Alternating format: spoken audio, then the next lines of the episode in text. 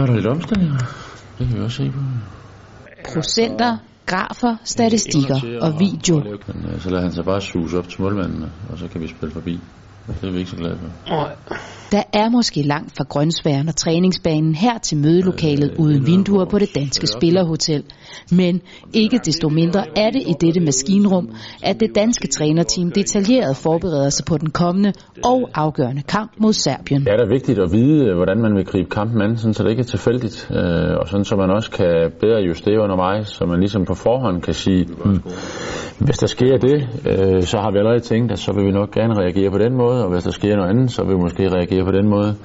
Øh, og også fra start vide, hvem er det præcis, vi spiller mod, i stedet for at vi skal egentlig bruge en halv time på måske at finde ud af, hvor er de andre øh, styrker, hvor er de andre svagheder. Der kan man jo se nogle fine grafer, som viser lidt om Tysklands øh, øh, evner til at, at lave gennembrud. Statistikker og grafer er i dag en stor del af fodbolden på topniveau, også her i Prag, hvor der i høj grad nørdes tal og analyseres video på Danmarks modstandere.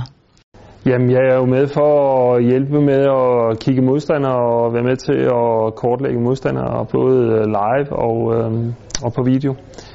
Og øh, jamen, det er sådan en del af det øh, af topfodbolden, at øh, man skal prøve på at forberede sig så godt som muligt. Vi skal hurtigt have, have den kamp, vi har spillet ud af systemet, men der kræver det jo, at man kan nå hjem og analysere og finde ud af, øh, specielt hvad vi skal lave om til næste gang, eller hvad vi skal tage med til næste gang.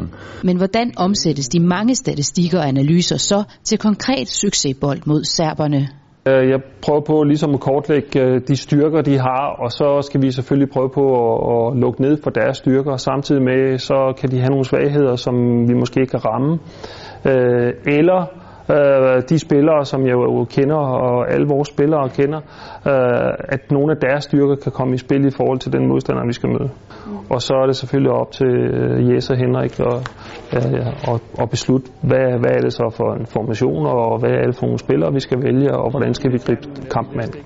Men i sidste ende er det vel på banen, og ikke foran en computerskærm, at kampen skal vindes. Så kan vi selvfølgelig opleve, at, at det er noget andet i virkeligheden, når vi står ude på banen, for det har du ret i, det er selvfølgelig ude på banen, at, at vi skal vinde. Men vi skal være godt klædt på, ligesom hvis man tager ekspedition i de arktiske egne eller et andet sted. Det er jo kun for at være så godt forberedt som muligt, og sådan så man lynhurtigt kan reagere, når man sidder ude på bænken. Og det er jo det, Jes og Henrik skal bruge det, skal man sige.